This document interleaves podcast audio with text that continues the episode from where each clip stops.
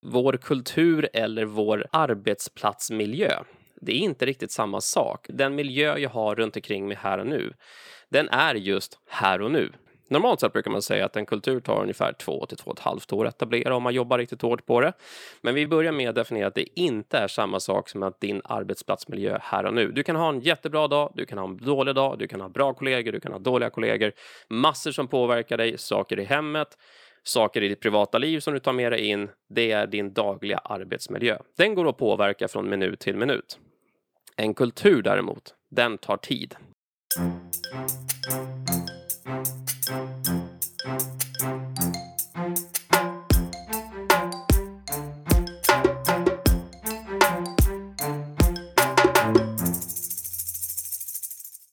Definition av IT-kultur eller kultur generellt, för det finns ju faktiskt en sån och den tänkte vi börja med. Vi kommer att förhoppningsvis ha övertygat er om att det är fullständigt fundamentalt nödvändigt att ha en vettig kultur, bygga en vettig kultur för att nå dina informationssäkerhetsmål.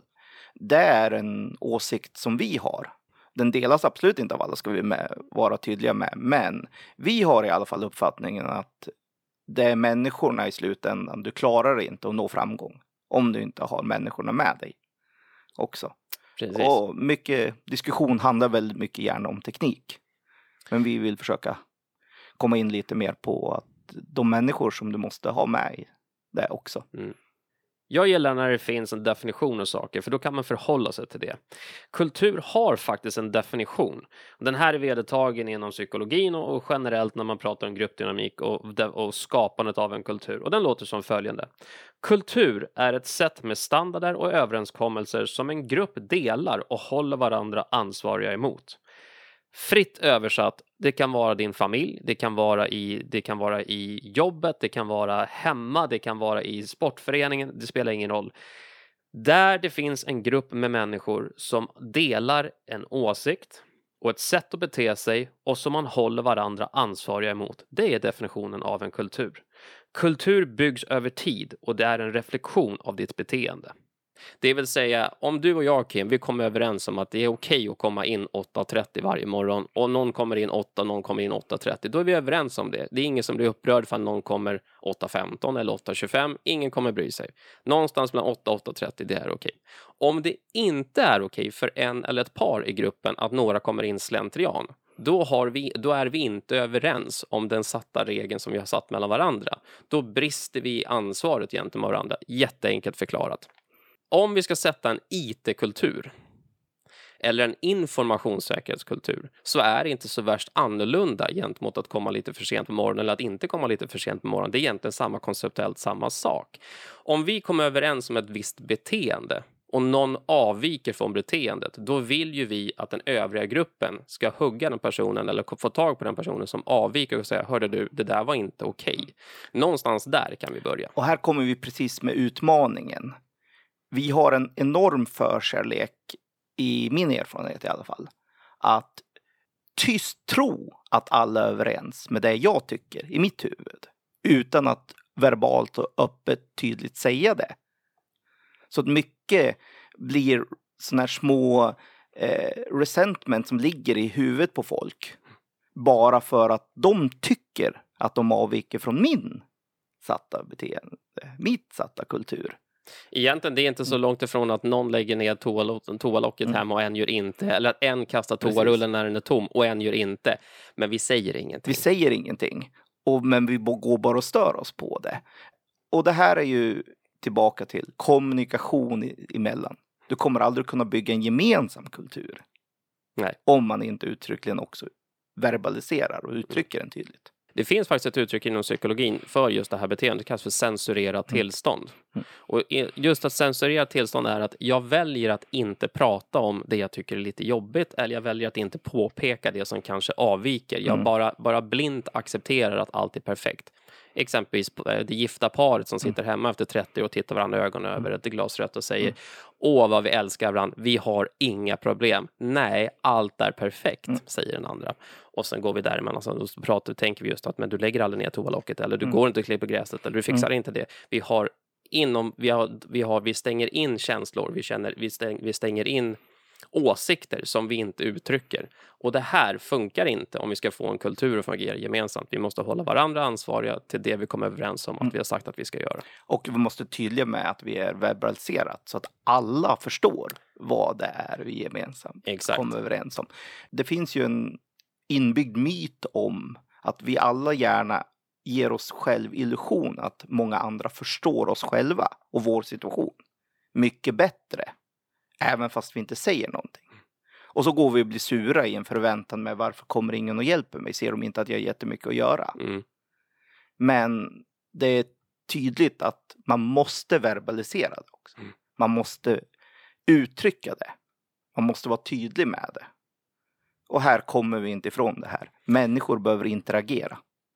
I vår bransch, inom IT-branschen, så som jag har upplevt i alla fall, så jobbar vi, vi strävar efter att få stopp på kommunikation mellan människor. Det är nästan så att vi försöker nu aspirera att få bort människor från i processen. Vi pratar DevOps, vi pratar utveckling, så vi pratar automatisering. Så lite mänsklig interaktion som möjligt för att få tekniken att funka. Det finns en plan och en tanke med det som är vettig av att maskiner kommer göra saker och upprepat bättre om och om igen. Men jag upplever också ibland att vi försöker få bort människor ifrån kommunikationen mellan varandra och den tror inte jag är särskilt sund om vi ska få en informationskultur att funka eller informationssäkerhetskultur att fungera på ett företag. Och här- Case in point. Här, här kom, Hur, ja, hur kommunicerar vi exempelvis idag? precis. Slack, E IRC-tjänster, chatttjänster. ja, gruppchatter är jätte, jättepopulärt idag av eh, en anledning. Men det kan högst ifrågasättas hur effektiv är den kommunikationen verkligen?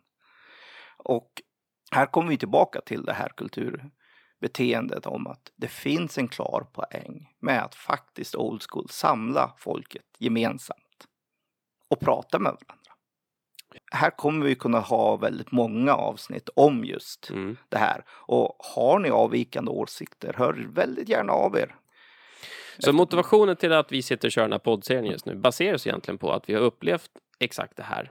Och vi kände själv att det här håller inte vatten om vi ska kunna få dels det funkar på vårt eget företag där vi jobbar eller att bara rent generellt få, få en informationssäkerhetskultur att funka rent överhuvudtaget. Så vi valde att ta debatten om att gör vi verkligen på rätt sätt idag? Är det här så som vi beter oss idag? För vi hör nämligen kommentarer, ja men det här är ju den kultur som finns inom IT-branschen. Ja men är den verkligen sund då? Är egentligen frågeställningen. Och någonstans där började vi. Är det verkligen där vi ska fortsätta? Ska vi bara ge oss och säga att vet du vad? Ja, så är det. Och sen rullar man på. Mm. Eller kan det vara värt att försöka förändra den? Det vi såg, som jag tror alla kan hålla med om, det var att vi såg alldeles för mycket mänskliga fel. Jag är egentligen inte orolig för malicious insiders, det vill säga illasinnat, att någon ondskefullt och illasinnat ska försöka göra någonting inifrån.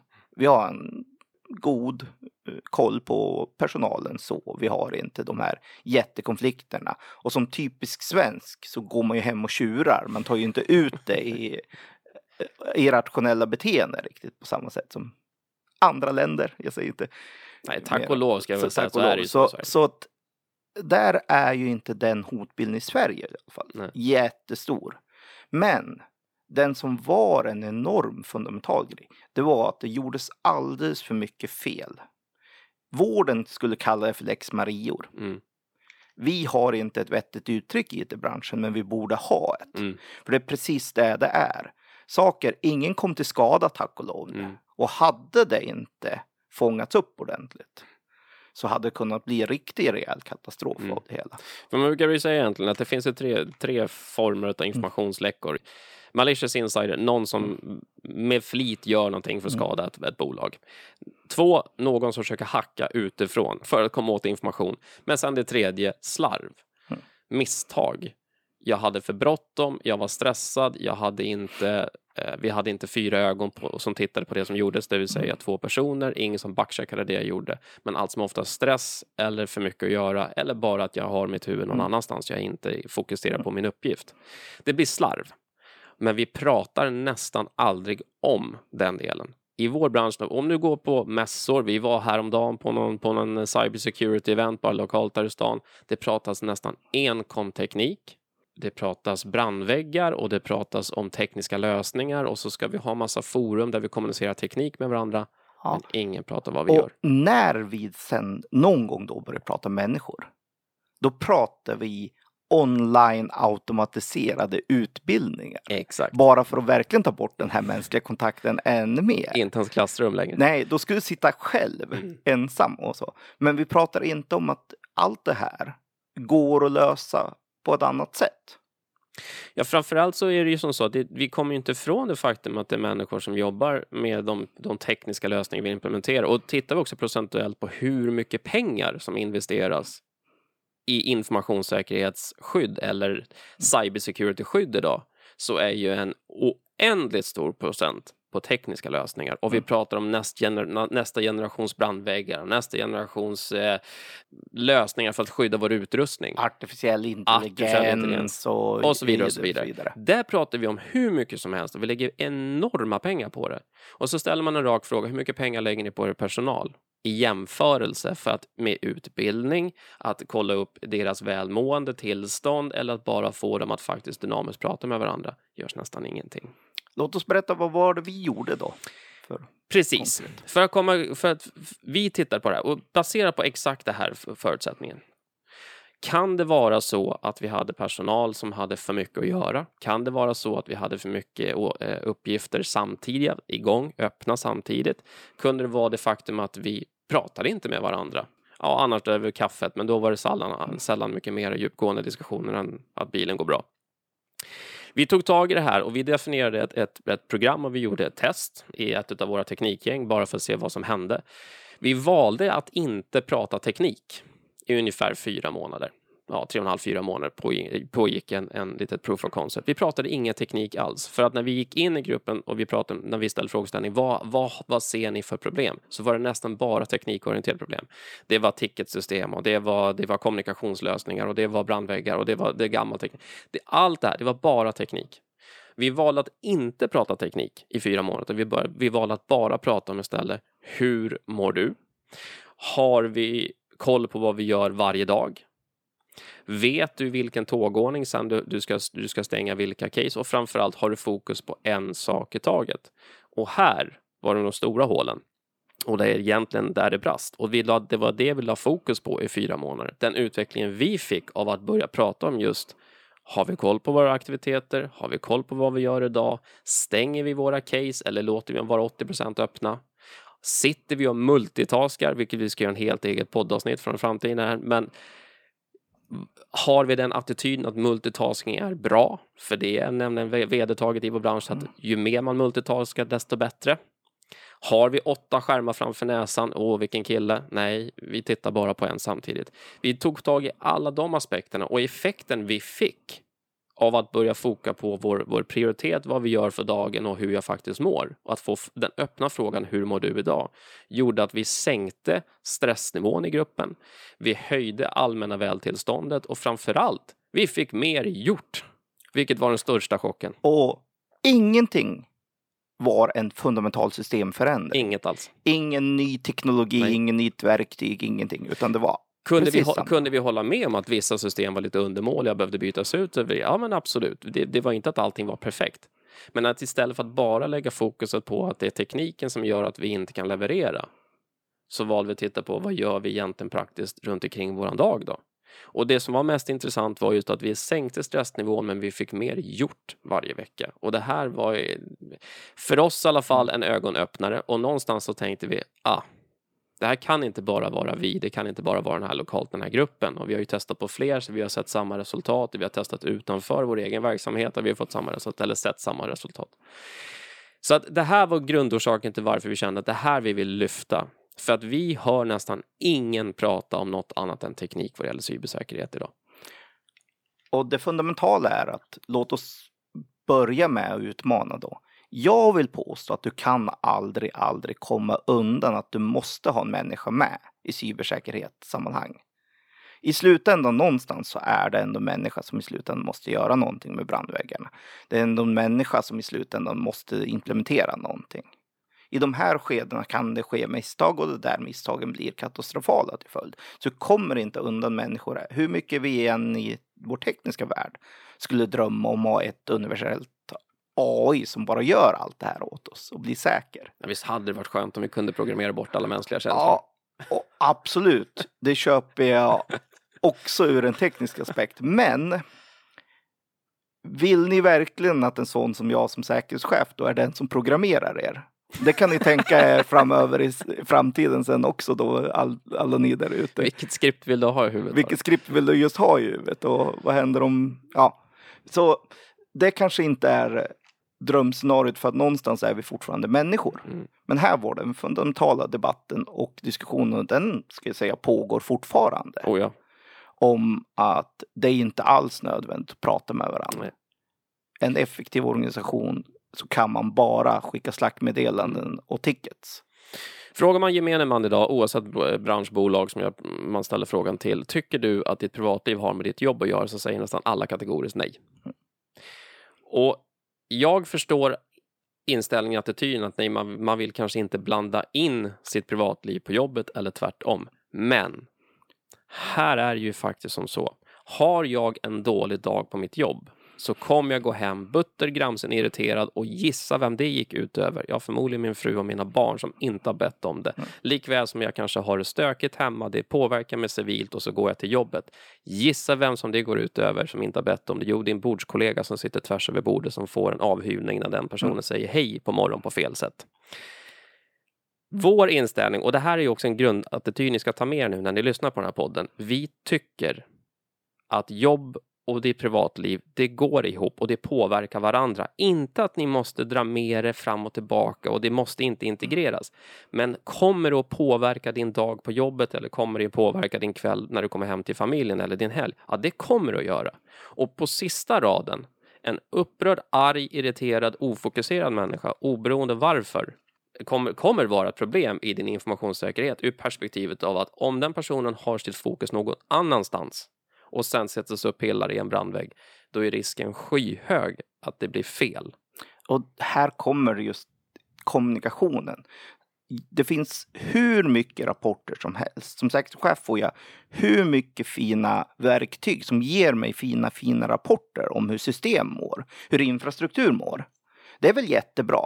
Men har du en gång konfigurerat en brandvägg och inte gör massa förändringar i den, då är den väldigt säker. Det är väldigt sällan någon du utifrån bara kan hacka dig igenom en brandvägg. Även om det är en gammal trotjänare som har varit med länge. Utifrån hackar du inte in genom brandväggen. Det är andra vägar in. Det är krångligt. Det är, det är människorna in du tar. Ja. Och då kommer vi tillbaka till det här med mänskliga, eh, mänskliga fel. Så från min del som säkerhetschef, jag vill ju lika mycket ha en rapport hur mår personalen? All personal med hög administrativ access. Det är ju viktigare för mig att få en daglig checklista. Mår alla bra idag?